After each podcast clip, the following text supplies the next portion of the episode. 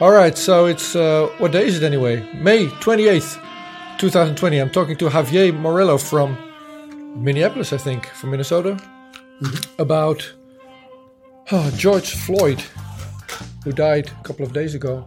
You're, you're a guest to Podcast. No, Javier doesn't see is there's a camera over there. He's going to see it when he when he watches the rerun. So this is podcast. It's pot with candle. If you call it out quickly, it's um, it's uh, it's a podcast. So that's what it is. That's Javier. Welcome. Thank you. So thank you for uh, for, for for being here. So today, uh, earlier today. So this is in the in the, in the evening in the Netherlands. Uh, you're in uh, Minneapolis, right? Yes, I'm in St. Paul, but Minneapolis, St. Paul, yeah. Minneapolis, St. Paul. So two big cities in Minnesota close together. So that's Minneapolis, St. Paul. Your airport's exactly. called Minneapolis, St. Paul. Correct. so okay, uh, a friend of mine lives there, and um, Mike McCarran. And I was reading his Twitter Twitter feed, and I see all hell breaks loose in, in Minneapolis. And he says, oh, "I live a couple of blocks from there." So uh, I reached out and said, "Well, would you talk about it? What's going on there?" Because so this is my my prejudice to Minneapolis. I'm from the Netherlands in Europe, mm-hmm. which is pretty docile. Nothing much really big happens here, and that's the way I perceive you. You're like Canada. I'm sorry about that, but then then a couple of days ago, uh, if I'm not mistaken, so here's uh, what I see from the news: uh, a man called George Floyd, 46 years old, is killed by police while being arrested. I think. Um, mm-hmm and then riots started, looting started, fires started, and that's what I pick up on Twitter. So, in your words, what's happened in your no? In your words, describe if, if, if my perception of your of your city is right. yeah. and what happened there a couple of days ago? Sure. Yeah. Well, so I, I think that um, the perception of Minnesota in the United States um, is of uh, a, a, kind of a, a, place where people are polite and nice. But there, there, there, really is a story of two different states here, right? That, that it is a state that, that who's with very high electoral participation, for example, which so and, and a high sense of civic responsibility um, that is different than uh, other states. We have higher voter turnout, things like that but um, but it is also a state with some of the worst racial disparities in the United States. Um, so unemployment uh, for um, African American uh, uh, African Americans, uh, Latinos, and Indigenous people is uh, way higher than it is for white people. Educational um, achievements, et cetera, et cetera. It's uh, um, on practically every measure: health health outcomes, violence, et cetera. So the that's the sort of general context in which this shooting, I mean, sorry, this uh, um, uh, uh, death happened. It was not a shooting. I, I'm so used to saying shooting because they happen so often. Um, and uh, and in Minnesota, there was uh, you know Philando Castile was uh, a young man who made international news. he was murdered um, by by police, um, as well as um, as Jamar Clark in the city of Minneapolis. Uh, there, there's a long, long, sad history of uh, police brutality uh, against the African American community and, and indigenous community here, especially. Uh, and then this week, the video of George Floyd was, um, you know, where, where we are now, we are by now in this country used to seeing these horrific videos. Um, and as many African American uh, thought leaders have pointed out, um, for the most part, you know, we consume these viol- these images of violence against black bodies, uh, but for the most part, justice is not served. That uh, more often than not, a white police officers and police officers generally just are not punished for what they do when they arrest. And in this case, it was so clearly um, just unbelievably inhuman what happened there uh, with the police officer's knee on uh, on George Floyd's neck, um, even as he was gasping for breath, and people recording and watching and telling the police, "You're killing him! Please stop! Please stop!" And three other police officers who were with him watching it happen and just stone faced, not reacting at all, and they killed him right then. Um, so what was different about this police shoot, about, the, about this police uh, murder, was that people called it that immediately. Uh, that elected murder. officials they called it, murder. Yeah. They called it murder, and and and um, and that the police, the four police officers, were all fired immediately by the police chief and uh, the, with the the mayor's um, uh, approval of that. Um, and then two nights ago, two days ago, there was a the, the first protest, and um, what happened then is that it's a good example of the conundrum that I think that elected officials are um, in when it comes to police and and, and police departments like Minneapolis, where there's a deep-seated culture of uh, of unrestrained violence and unaccountability. Um, this is we're talking decades of, of this, and um, the difference now only being that we that now people walk around with cameras, so now it is more it is visible to the world.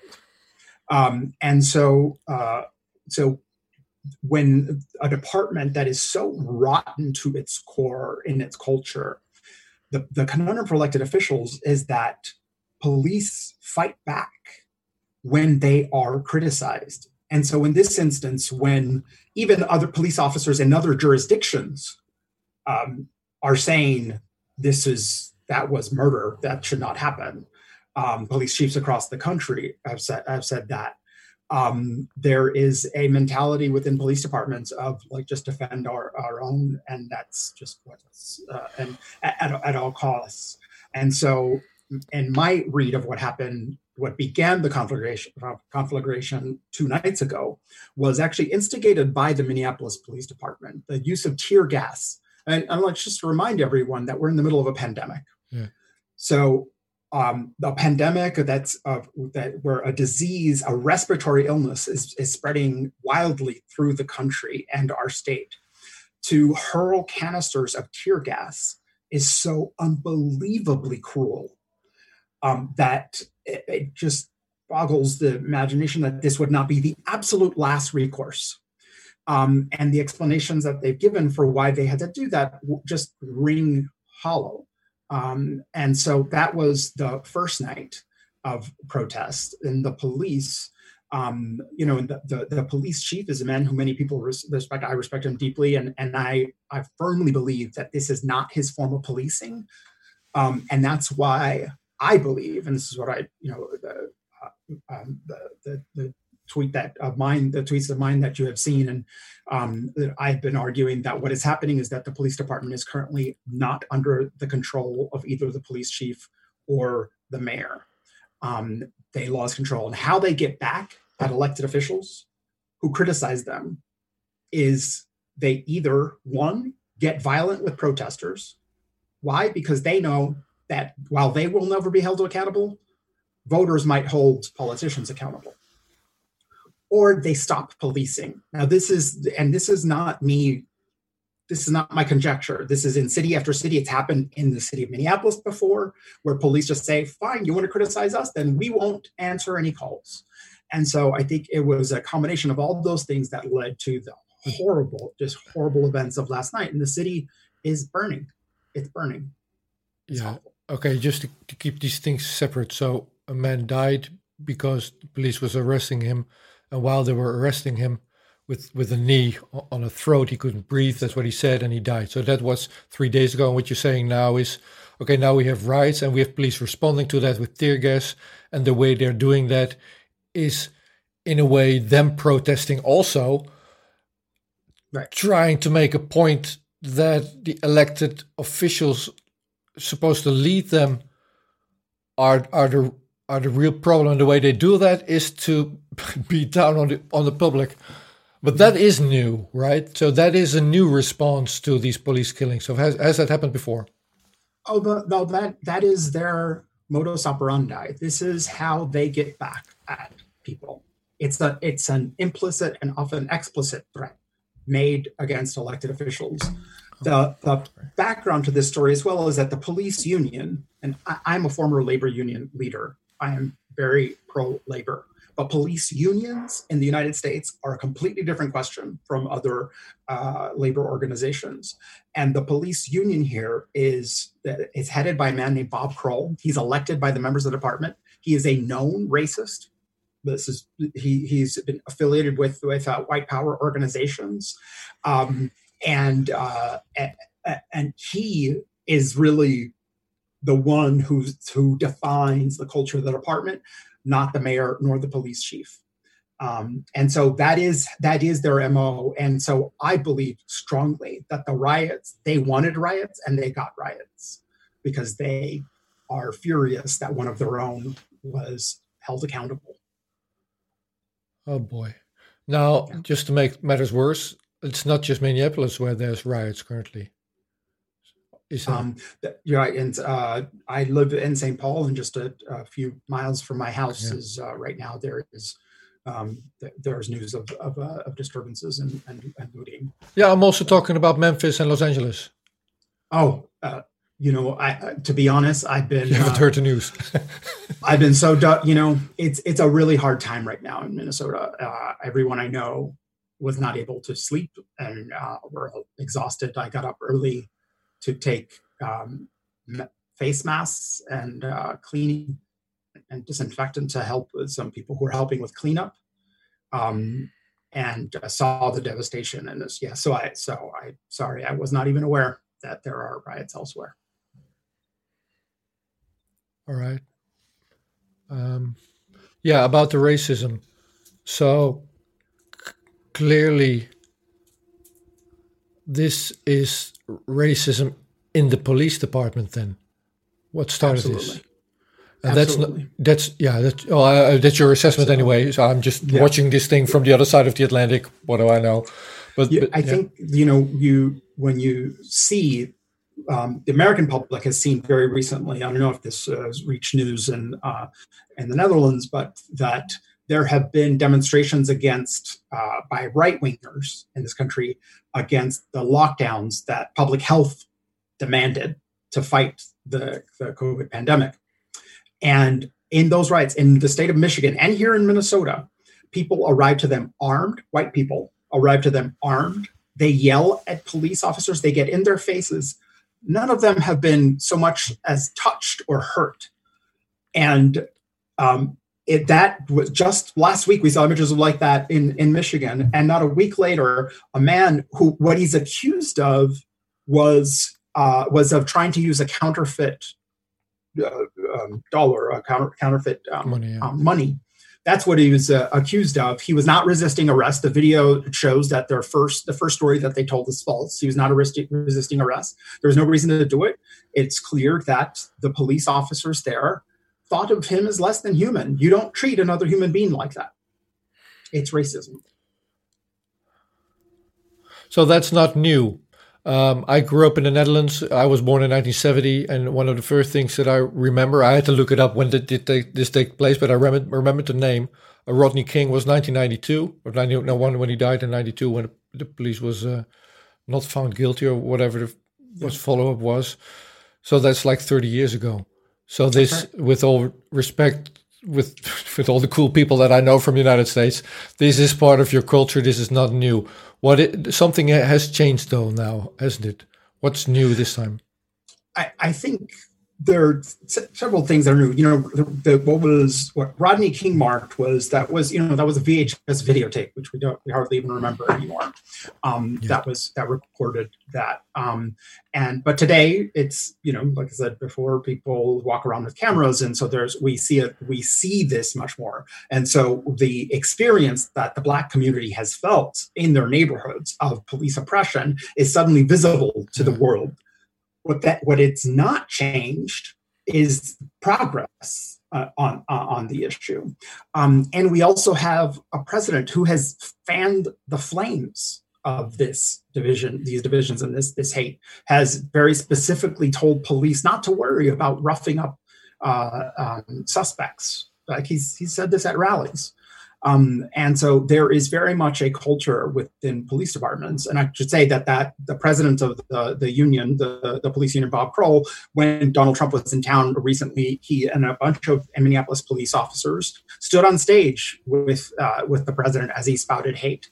Um, this is, you know, this is not my speculation. Their racism. This is not even a secret. Okay, so uh, just to move to uh, police officers themselves, wh- why is there dispute? Why aren't they being governed by the elected officials that are supposed to be the, the boss?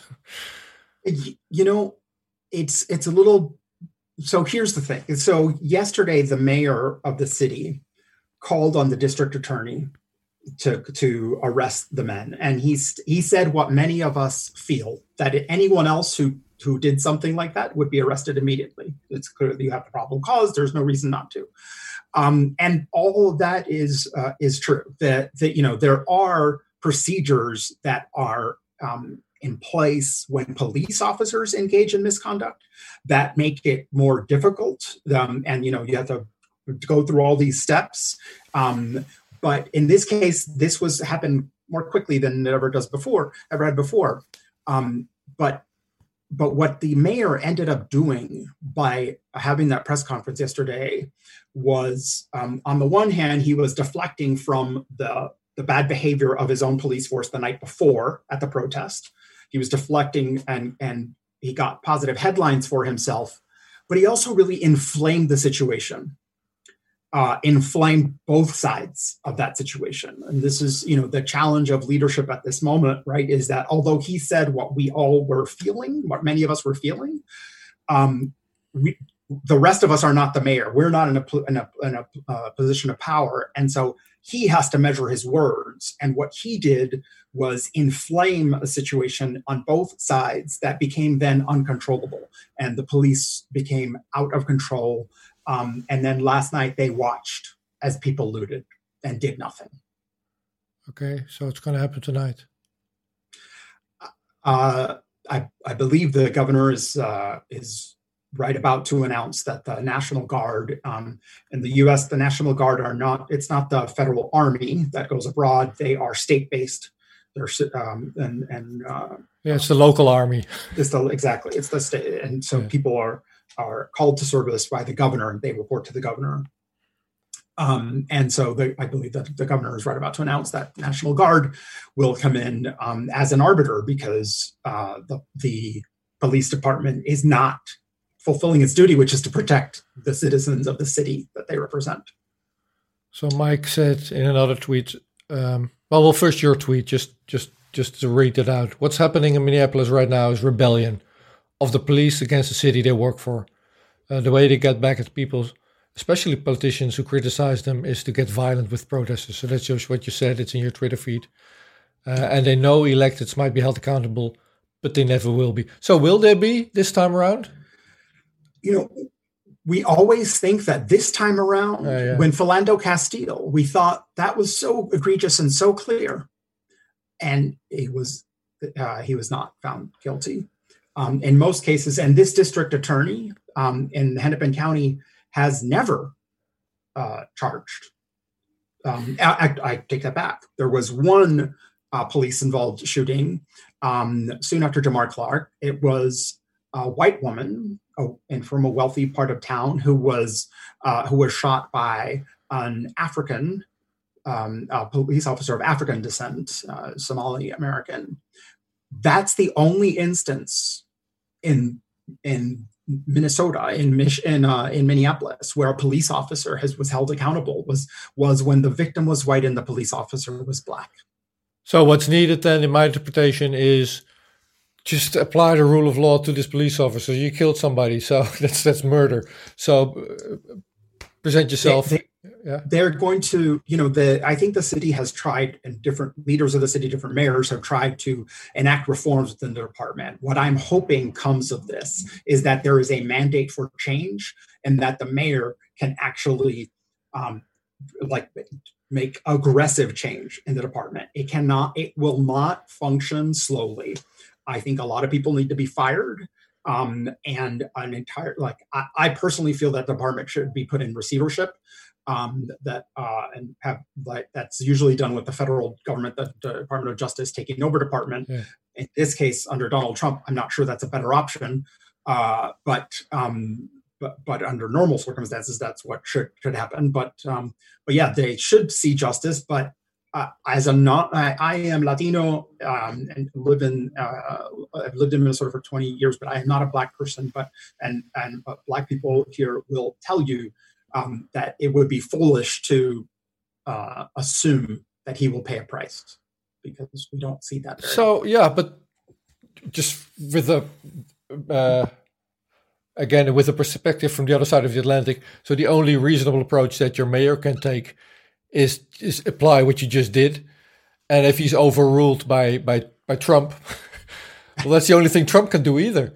I mean, oh. if he doesn't, he's right. he's got elections coming up, so the only thing he can do is is take the juridical approach also.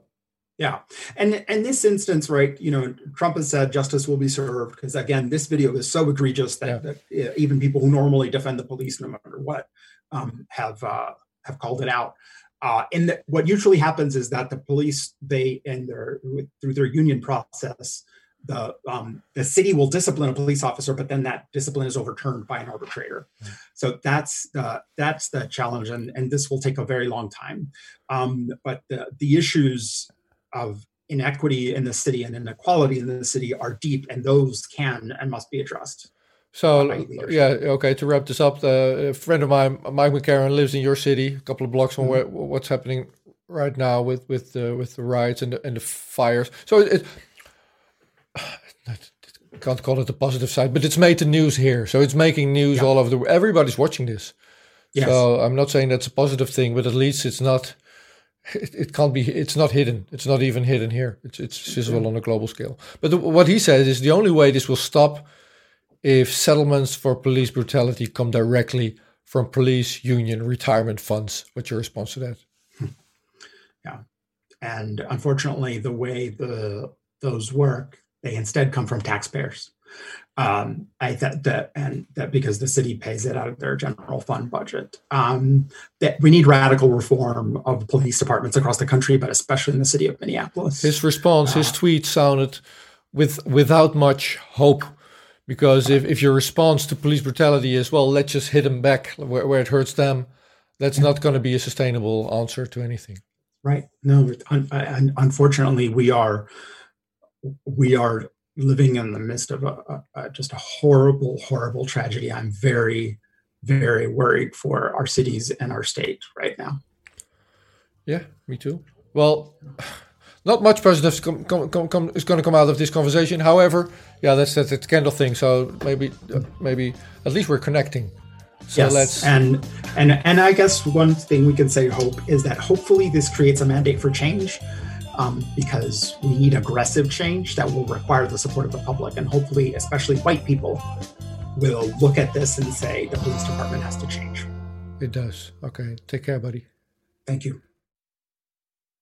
Yes, we came, we saw, he died.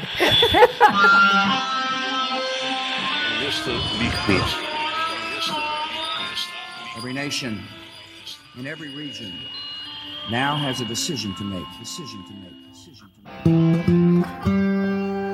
You think I'm joking? Predator drones. You will never see it coming. dat het er is. Laat staan dat ik eh, kan ingaan over vuur.